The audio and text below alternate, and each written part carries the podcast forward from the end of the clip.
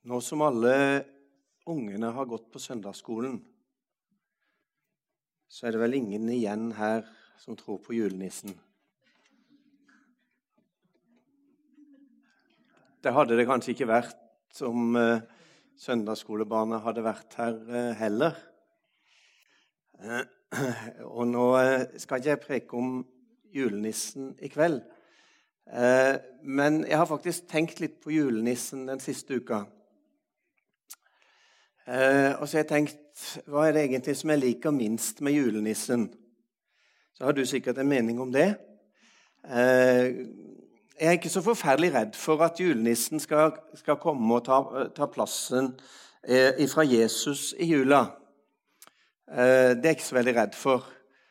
Eh, men, men, jeg har liksom kommet til det at det jeg liker minst med julenissen, eh, det er det at jeg iallfall har hørt når han kommer, så skal han jo være veldig snill og veldig gavmild og veldig raus. Men jeg har forstått det sånn, jeg har faktisk også vært en bekjennelse. Jeg har faktisk også vært julenisse noen ganger. Tror det eller ei. Og um, han kommer inn døra, så ser han jo Ho, ho. Er det noen snille barn her? I kveld? Er det noen snille barn her i kveld? Og så ligger det jo da sånn tilsynelatende, tror jeg vi sier, under en sånn derre betingelse på at Har du egentlig vært snill nok i år? Til at det blir noen julegaver på deg i år? Har du vært snill nok? Og hva er det egentlig å være snill nok? Hvor snill må jeg være da for å være snill nok?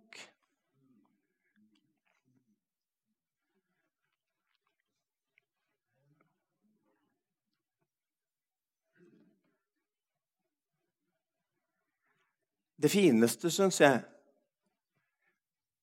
med denne visjonen som Eldsterådet har utarbeidet Jeg syns de, de, har gjort det bra. Jeg tror faktisk ikke de har tatt det sånn helt ifra sin egen barm. Men jeg tror de har søkt Gud og fått noe for å sette som en slags overskrift på menigheten vår. Betingelsesløs. Betingelsesløs, det er det motsatte av julenissen. Betingelsesløst. Det er egentlig, hvis du kjenner litt etter, så er det egentlig litt unaturlig for oss det å klare å tenke for så vidt gi eller ta imot betingelsesløst.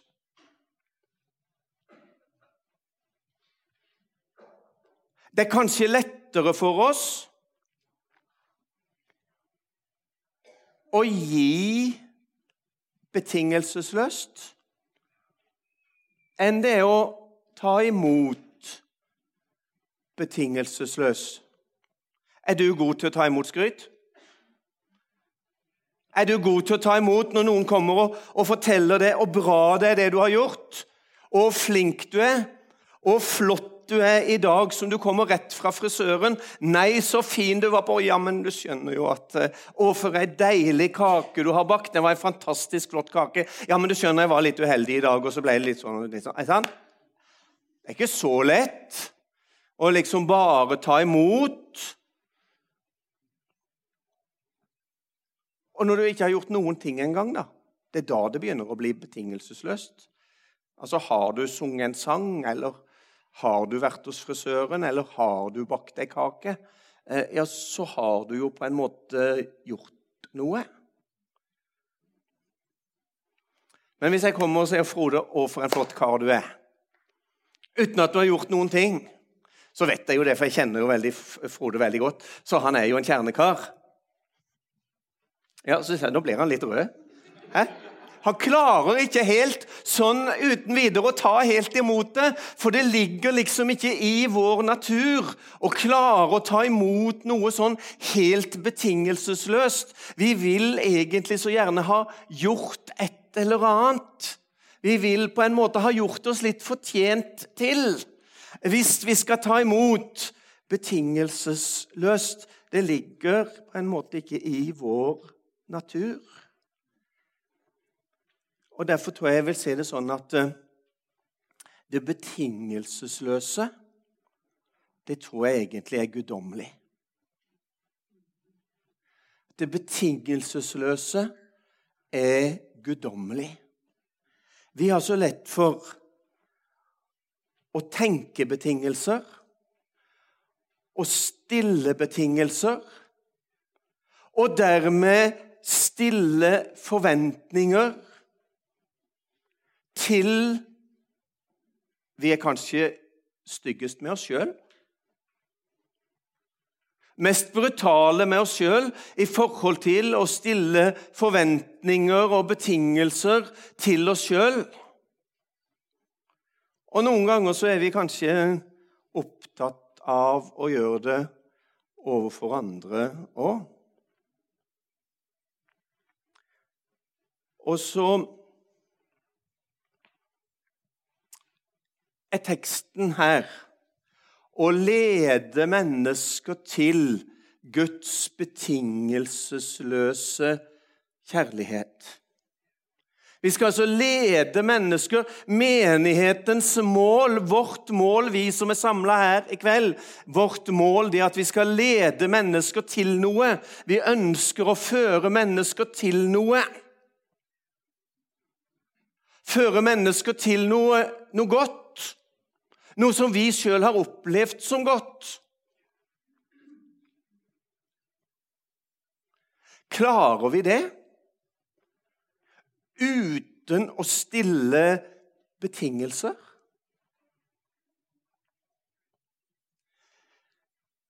Nå skal jeg lese noen vers som du kanskje ikke har hørt, iallfall ikke hørt veldig ofte lest på møtet. Jeg skal ikke si at du ikke har hørt det, men jeg tror ikke du har hørt det veldig ofte lest. Jeg skal lese fra Markusevangeliet, kapittel 7.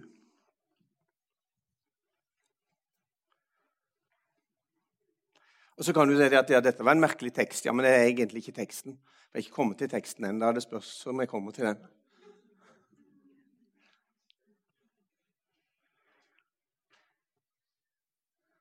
Markus evangelium kapittel 7. Jeg tar meg tid til å lese noen vers fra begynnelsen. Prøv å henge med på historien. Fariseerne og noen skriftlærde som var kommet til Jerusalem, samlet seg om Jesus.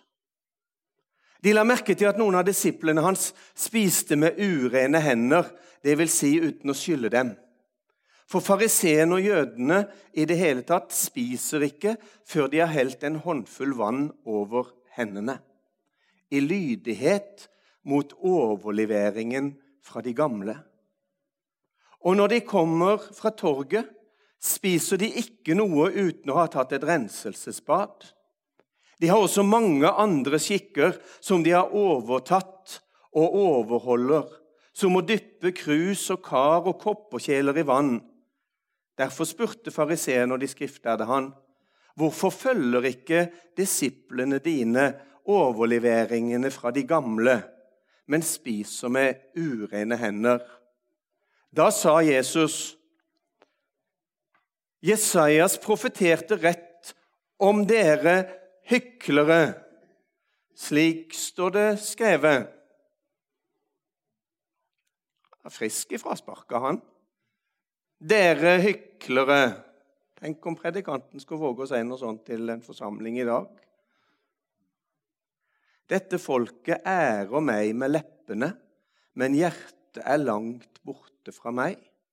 Forgjeves styrker de meg, for de lærer, det de lærer, er menneskebud. Dere har forlatt Guds bud, men holder fast på menneskers overlevering. Og han sa til dem, ja, dere får det fint. Dere avskaffer Guds bud for å innføre deres egne overleveringer. Og Så kunne jeg ha lest eh, videre, for eh, Jesus fortsetter denne historien. Men hva er det egentlig som er budskapet her? Det er et budskap til fariseerne og de skriftlærde fordi de er ute etter å fange Jesus. Og så vil de fange Jesus på at disiplene hans de lever ikke rett. De stiller betingelser. Er det ikke sånn at de gamle forskriftene har sagt at vi må vaske hendene med i alle fall 1 desiliter vann. Ja da, det var så nøye. At det skulle være minimum 1 desiliter vann som de skulle vaske hendene sine med for at de skulle være innafor. Og så var de opptatt med å stille en masse sånne der menneskelige krav, sier Jesus, eh, og forskrifter som dere egentlig bare har overtatt etter det som har gått foran, men som loven og profetene aldri har sagt noe om. Men disse menn, lovlærde som har vært, og det som har gått foran, de har laga et regelverk ved siden av boka. Og så pålegger de dere, for at dere skal komme inn og bli leda inn i noe, bli leda inn i fellesskapet For at dere skal bli leda inn i dette fellesskapet, så må dere forholde dere til forskriftene fra de gamle og det som generasjonene før har ment som et regelverk ved siden av Skriften. Jeg vet ikke om jeg tør lenger nå.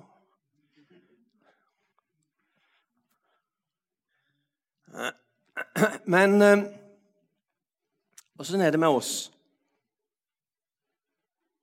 Og sånn er det med oss? Jeg har stilt meg Altså, jeg er født og oppvokst i de samlinger. Nå tar han lyden. Nå tar ikke han mer heller. Jeg er født og oppvokst i de frie evangeliske forsamlinger og har brukt hele mitt liv i, i tjeneste der.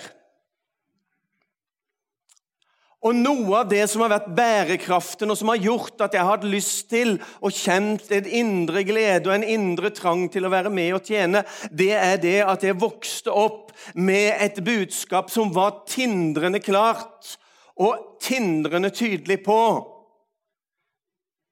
at vi har fått oppleve et frelsesverk som er fullkomment.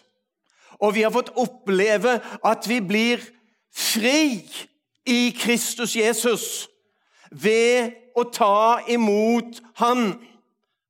Rettferdiggjort, uforskyldt av nåde ved forløsningen i Kristus Jesus. Frigjort ikke på grunn av meg sjøl og det jeg har fått til og det jeg kan prestere, men frigjort i kraft av Kristi forsoning. Det er min opplæring på den ene sida. Men jammen var det et regelverk ved siden av boka. Kjære Gud. Har du opplevd det? at det var et regelverk ved siden av boka. Og jeg tror at Jo eldre vi er, vi som er her, jo strammere har det regelverket ved siden av boka vært. Og Jeg har stilt meg spørsmålet mange ganger eh, i voksen alder og kanskje mer og mer de senere år. Og i all verden kom det ifra? Og, og, og hvor i all verden Åssen klarte de gamle veilederne våre å få bokas frigjørende, herlige evangelium til å gå opp parallelt med et sånt regelverk som fariseerne og de skriftlærde hadde i sin tid. De snakka om å vaske hendene, eh, og de snakka om åssen de skulle gjøre når de skulle spise, og de snakka om hvor mye vann de skulle ha, og de hadde en hel masse detaljerte regler. Og så sier Jesus altså til disse her, eh, disiplene sine her at eh, dere er opptatt av å tjene Gud i det ytre. Men åssen er det med hjertet? Den med hjertet. Dere har laga dere et ytre regelverk av betingelser. Og folk må følge disse betingelsene for å komme inn i fellesskapet. For å bli akseptert i fellesskapet så må de følge noen rammer. Har vi noen sånne?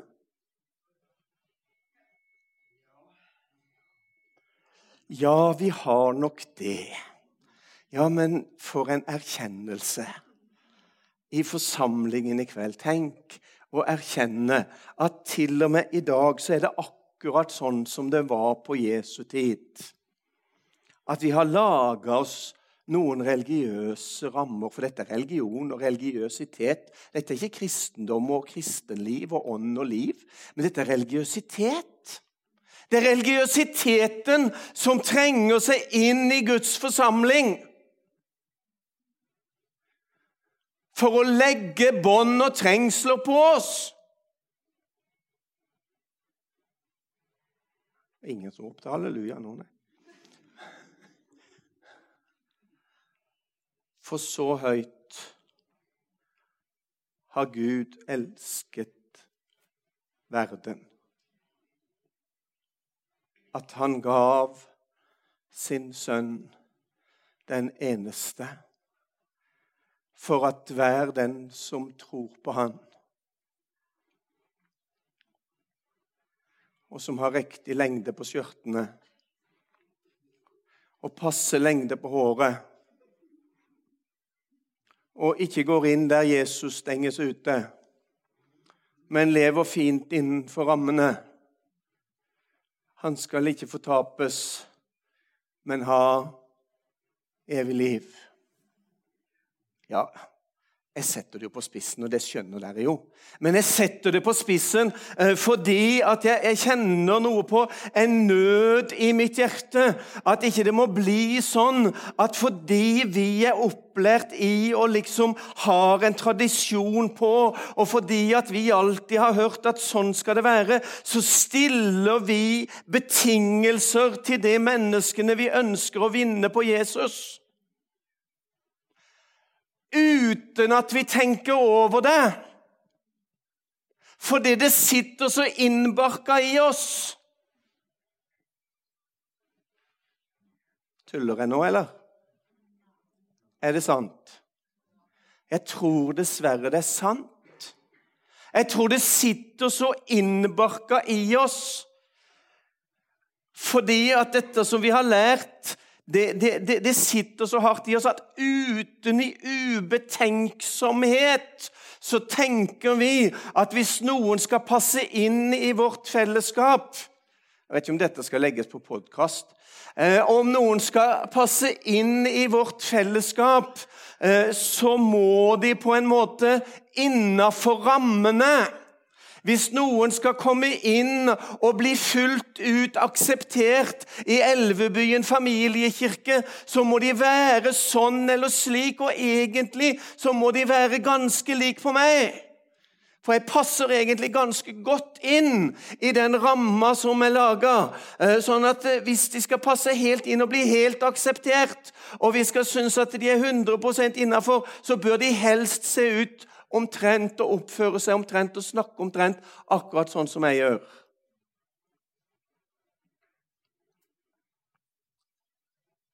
Jeg sier ikke at det er sånn, men jeg tror Og jeg snakker først og fremst om meg sjøl, for jeg har levd igjennom hele denne prosessen mange ganger, og det tror jeg vi har alle sammen.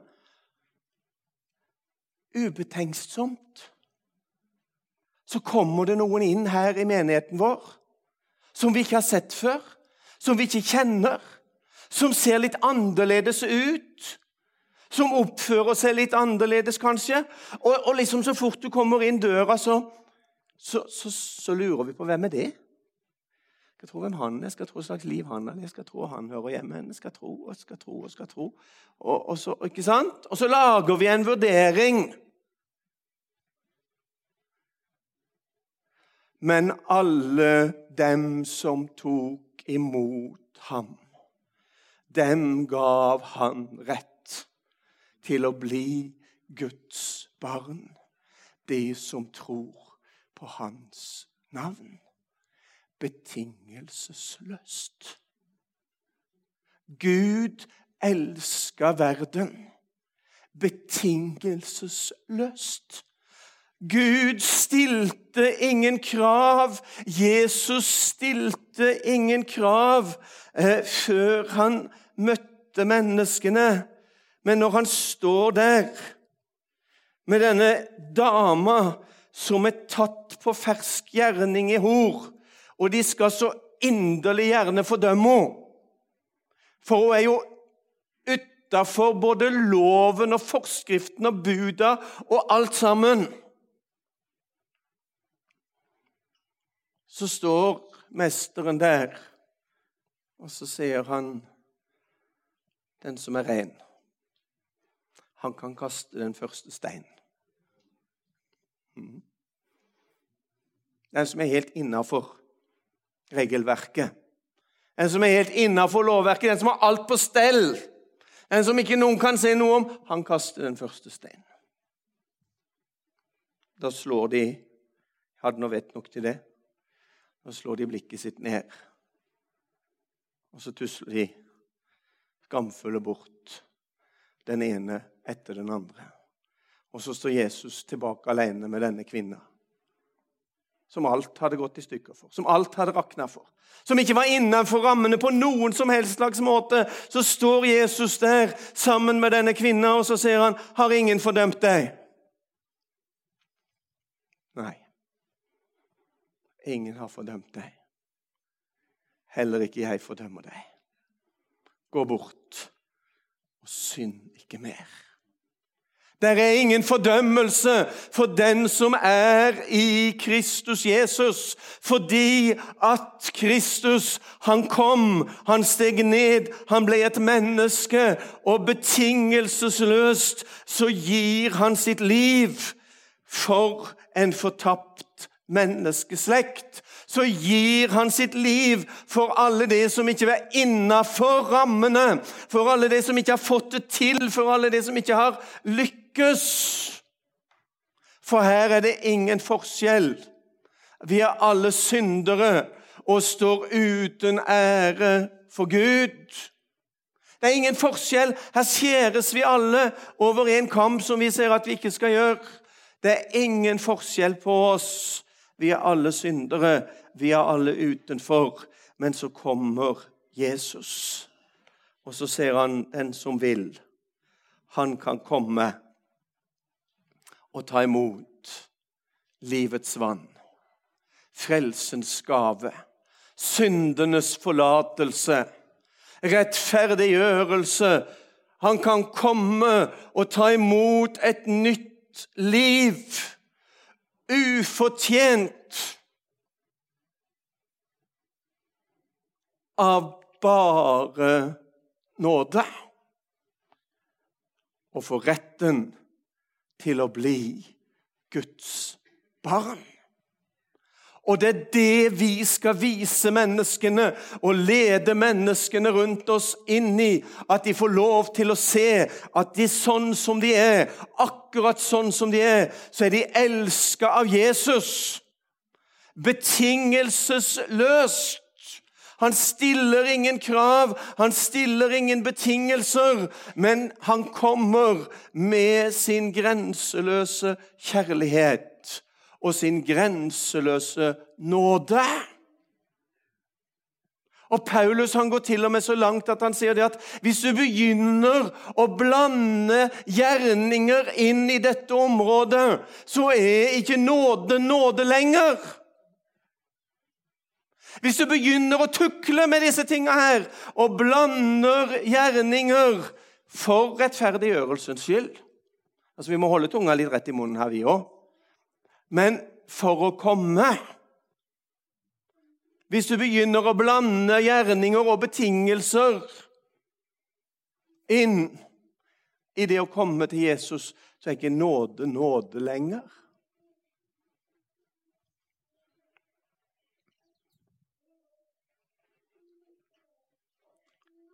Det ga han rett til å bli Guds barn. Men er vi barn, da er vi arvinger. Guds arvinger og Jesu Kristi medarvinger. Jeg syns den beretningen, som vi kjenner veldig godt fra Lukas evangelium kapittel 15. Den gir et fint bilde på betingelsesløs kjærlighet. Disse to sønnene, ikke sant? Han som gjorde krav på farsarven, og så reiste han ut og så rota han til alt sammen. Ikke sant? Han ødela alt. Inntil han en dag kommer til seg sjøl, som det står. Da sitter han blant grisene. Og det, jo, altså det er jo en, en, greie i seg sjøl, uh, eh, i den uh, konteksten som dette er henta ifra. I denne sammenhengen i det, i det, jødiske samfunnet som Jesus forteller denne her. Det å sitte blant griser, det var iallfall utafor. For grisene var jo helt forferdelige. Så det var ikke bare det at han hadde ødelagt alt, men han hadde til og med havna blant grisene. Så, så det var liksom så ute som det kunne være.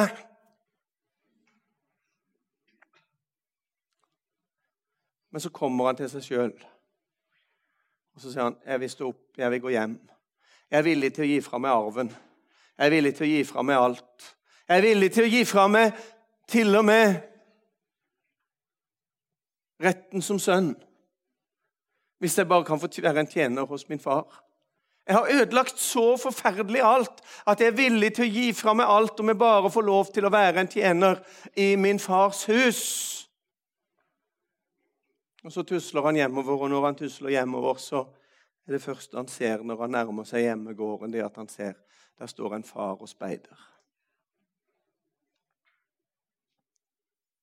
Der står en far og speider og venter og lengter og elsker og elsker betingelsesløst. Du, Han elsker han den dagen han dro ut. Han elsker han den dagen han forspilte hele arven. Han elsker han den dagen eh, som han satt der blant eh, mennesker i et utsvevende liv. Han elska han den dagen han satt iblant grisene. Han elska han hele veien. Han elska han betingelsesløst. Når han kom inn igjen, når han kom hjem igjen, så står han der med en åpen favn.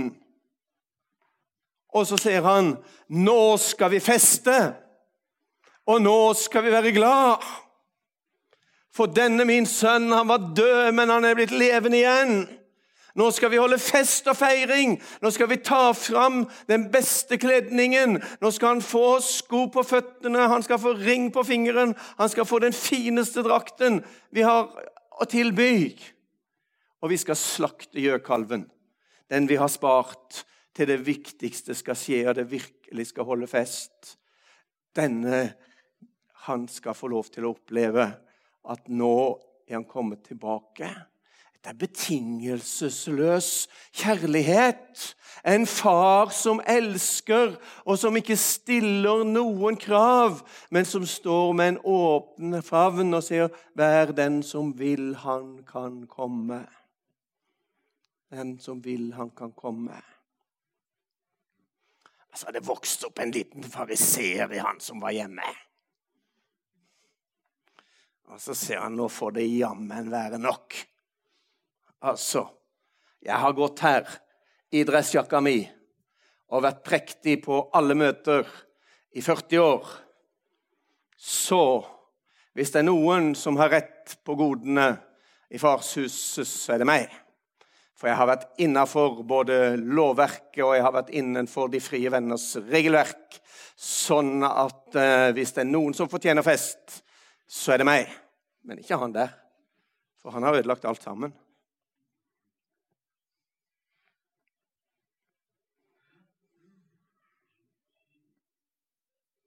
Birger Wroldsen, som var her i forrige uke, var det vel? ga oss en kveld et lite innblikk i sitt eget hjem. Jeg vet ikke om dere husker det? Han fortalte oss at han har fire sønner og en datter, en fosterdatter. Og Så fortalte han om disse fire sønnene var det fra 16 år og nedover. Kan tenke dere er liv i det huset. Ikke sant?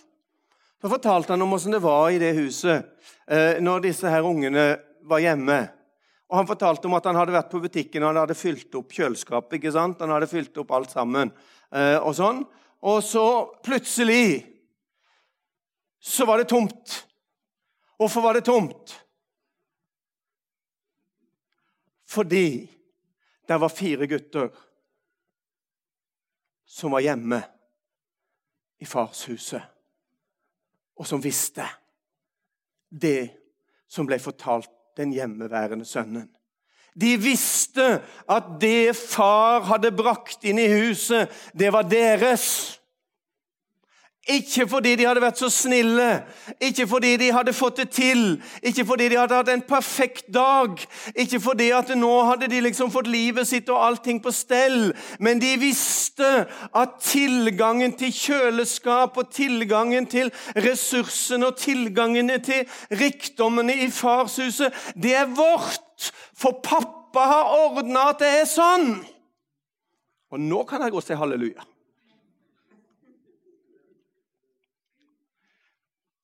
For sånn er det. Vår far er vi barn, så er vi arvinger. Har vi rett til det som fins i farshuset. Og far vår, han har fylt opp kjøleskapet. Og han har fylt opp mer enn kjøleskapet, men han har fylt opp hele forrådshuset sitt, for å bruke litt bibelsk språk. Han har fylt opp med all sin rikdom, og så har han åpna det opp for oss. Og så går han bort til denne gutten som er blitt litt fariserisk i sin ånd, og som klager over at han aldri har fått fest. Og så ser han han dypt inn i øyet, og så sier han, 'Gutten min, du er alltid hos meg, og alt mitt er ditt.' Du kan holde fest når du vil. Du kan ta ut det du vil. Du kan ta ut festdrakten når du vil. Du kan ta ringen når du vil. Du kan ta nye sko når du vil. Du kan kalle sammen vennene dine. Du kan holde kjempefest når du vil. For alt det som fins i dette farshuset, det er stilt til din disposisjon. Ikke fordi du er så innmari flink og ser så innmari fin ut og er så vellykka og er så god. Men fordi du er mitt barn. Det er betingelsesløs kjærlighet. Det er dette vi skal få lov til å føre mennesker inn i. Det er dette vi skal få lov til å gå ut og presentere for folk at det fins en far, en Gud, som elsker oss akkurat sånn som vi er. Og så går det an å få lov til å komme. Og så går det an å få lov til å ta imot av bare nåde. Nåde er noe herlige greier, men det er litt vanskelig for oss, det òg. Fordi at nåden er òg betingelsesløs. Det er liksom ingenting vi kan gjøre oss fortjent til for å få nåde, for da er det ikke nåde lenger. Men nåden den den er betingelsesløs. Den er Guds gode gave. Og så får vi lov til å oppleve at vi av nåde er dere frelst ved tro. Det er ikke av dere selv. Det er Guds gave for at ikke noen skal rose seg. vår ros den er på alle måter utelukka. For det er sant som Paulus sier når han skal gjøre en slags oppsummering av livet sitt. Så bare konkluderer han, og så ser han av Guds nåde er jeg det jeg er. Jeg har dessverre ikke så veldig mye å vise til annet enn Guds nåde. Men Guds nåde imot meg, den har ikke vært forgjeves. Og måtte det bli overskriften over livet våre, alle sammen. De som eh, er satt til inn i denne visjonen. Og så blir det bare første delen jeg skal si noe om i dag, for det er mer enn nok. Lede mennesker til Guds betingelsesløse kjærlighet. Herre, vi takker deg for at du elsker oss med en betingelsesløs, grenseløs kjærlighet. Takk at vi kan få lov til å komme akkurat sånn som vi er. Og så står du der med en åpen favn, og så tar du imot oss. Første gangen, når vi kommer igjen og kommer igjen og kommer igjen, så elsker du oss like høyt og like grenseløst. Herre, hjelp oss at ikke vi stiller betingelser og forventninger på hverandre som ikke du har stilt. Herre, hjelp oss at ikke vi stiller betingelser og forventninger på mennesker som vi skal vinne for evigheten, som ikke du har stilt. Men Herre, åpenbar din storhet og kjærlighet for oss, sånn at vi kan presentere den like rein som du ga den. Vi ber om det i Jesu navn. Amen.